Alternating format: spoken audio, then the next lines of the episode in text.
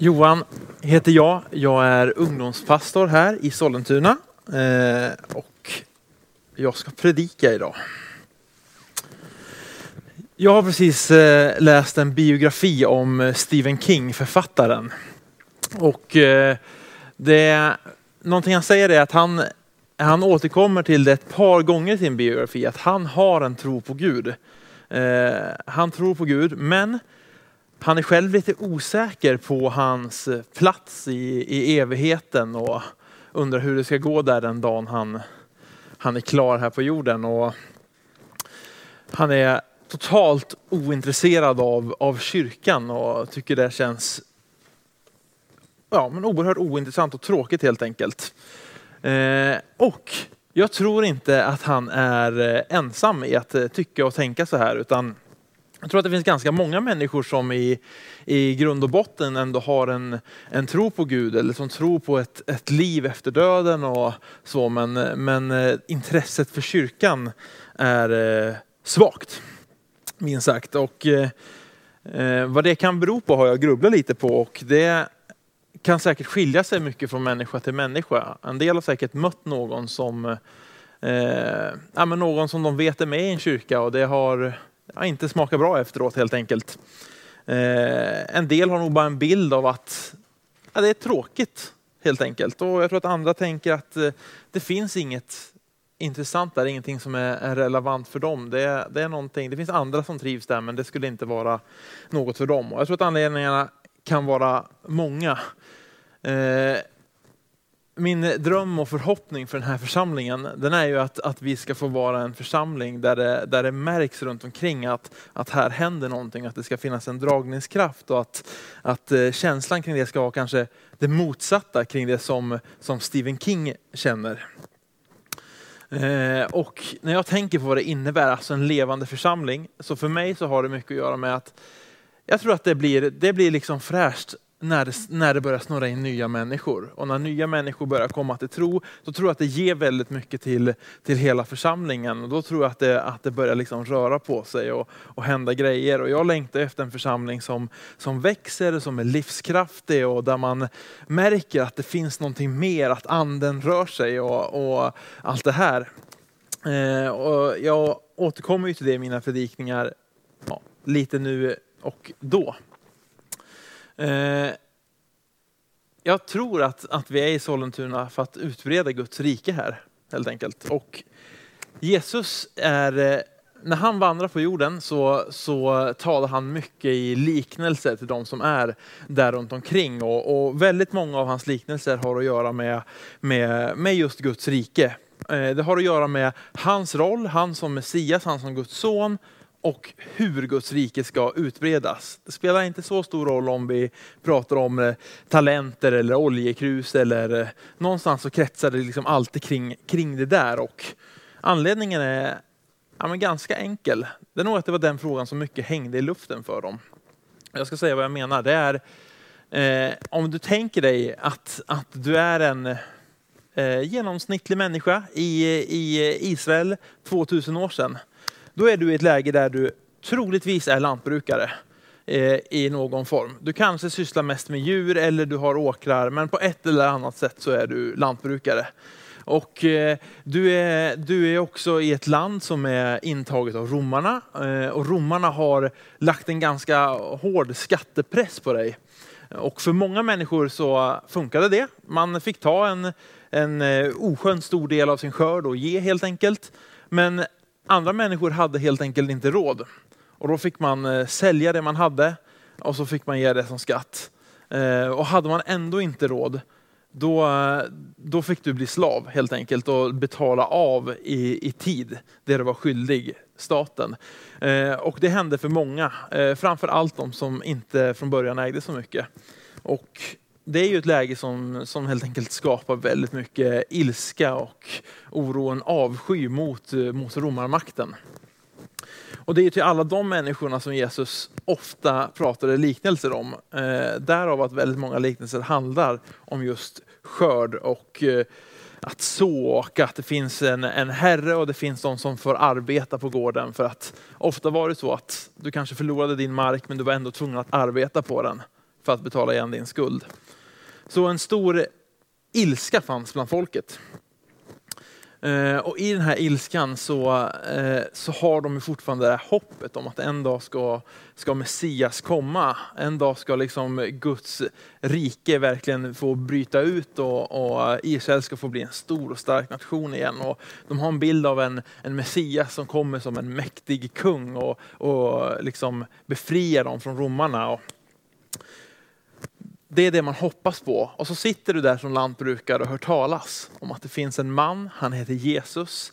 Han vandrar runt bland olika byar och på landsbygden och, och han gör under och mirakler och han är någon form av profet och det händer verkligen grejer där.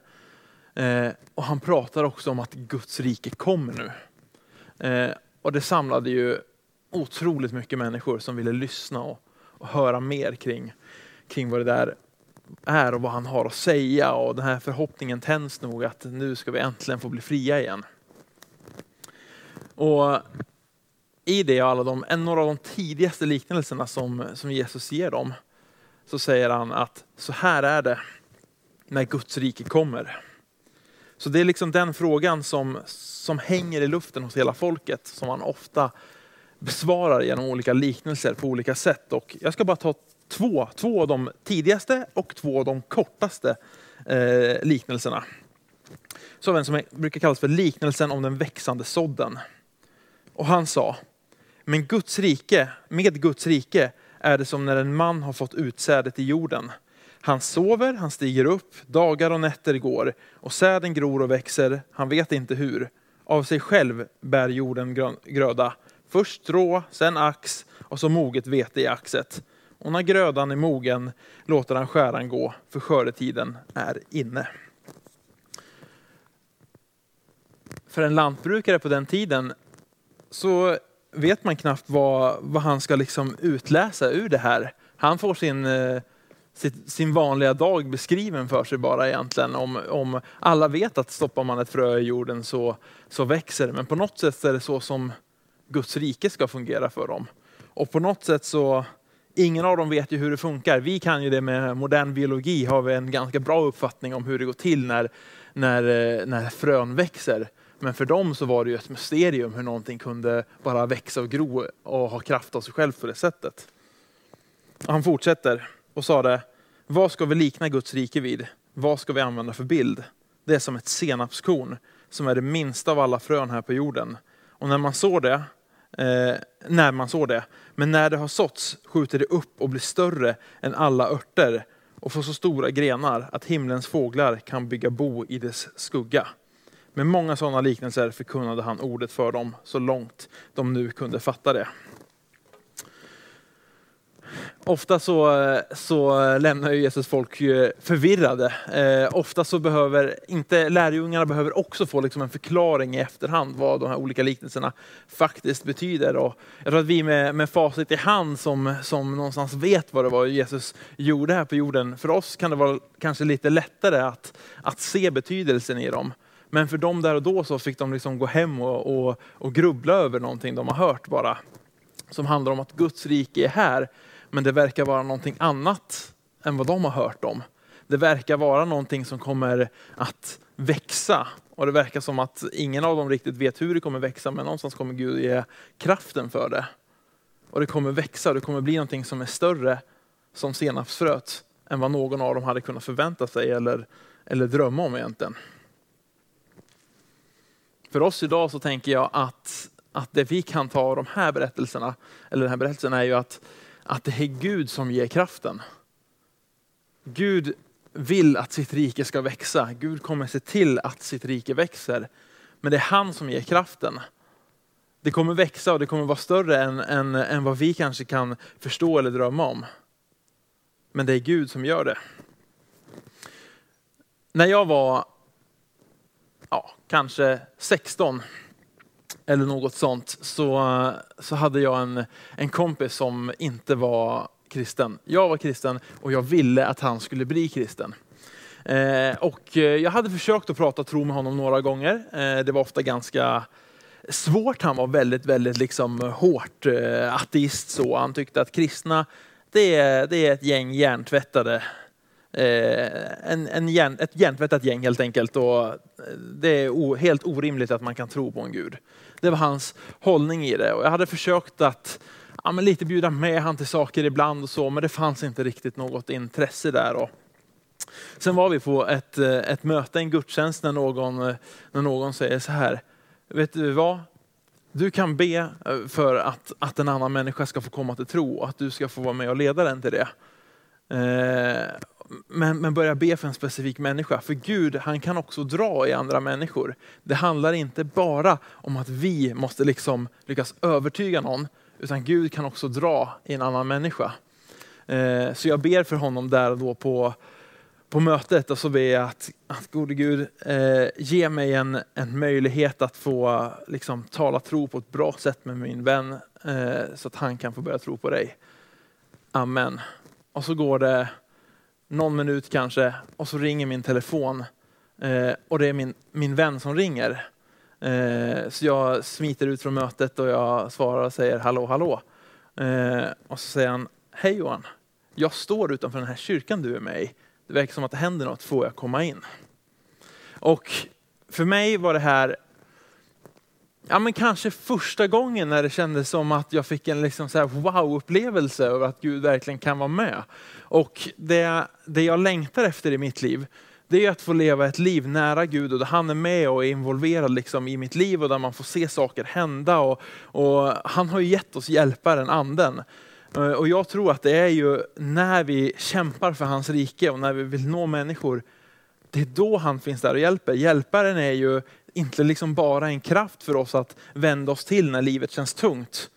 Utan det är ju en hjälp för oss att kunna utbreda Guds rike, att kunna göra det som vi själva inte klarar av. Men Gud kommer se till att det växer.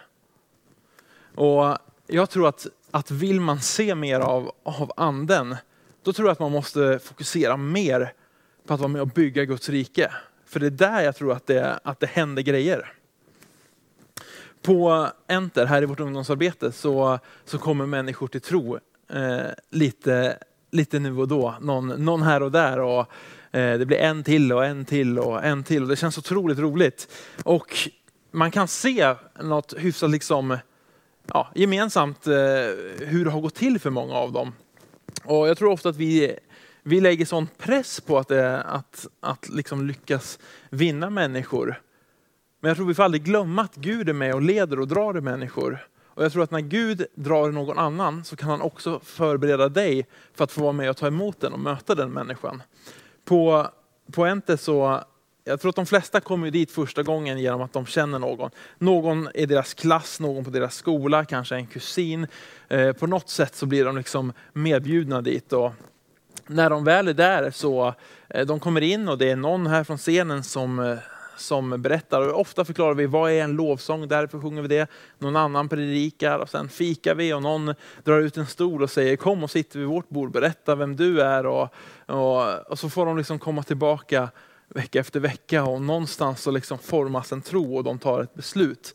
Men i den processen så är det ju väldigt många människor som har varit med och gjort en liten del. Det är inte så eh, svårt att, att eh, att dra ut stolen och säga sätt dig här när någon annan har tagit med sig någon. Uh, och jag tror att vi måste se att vi är, vi är många och jag tror att vi, Bibeln liknar det ofta vid att vi är en kropp med många olika funktioner. Och jag tror att vi är många människor som kan få vara del i när Gud drar någon annan människa in i en relation med sig. Så uh, Idag, ja, min, min uppmaning till dig där hemma är bara att, att, att du ska få be. Att, att Gud ska använda dig, att Gud ska få förvandla ditt hjärta, att Gud ska få börja dra i människor i din omgivning och att du ska få vara med som en pusselbit i deras väg till en relation med honom. Och så tror jag att om vi alla ber för att, att vi ska få vara med och vara en församling där där, där det rör på sig, där människor kommer till tro, så kommer, så kommer det att ske. För jag tror att Gud han hör bön och, och jag tror att, att äh, det är den bästa bönen. Och det är som jag sa innan, att, att jag tror att det är när vi strävar efter att utbreda Guds rike och att få vara med på det, då ser vi saker hända. Så, så det, är, det är min uppmaning till dig idag. Att, att be att du ska få vara med och be att människor i din närhet ska få komma till en relation med Gud.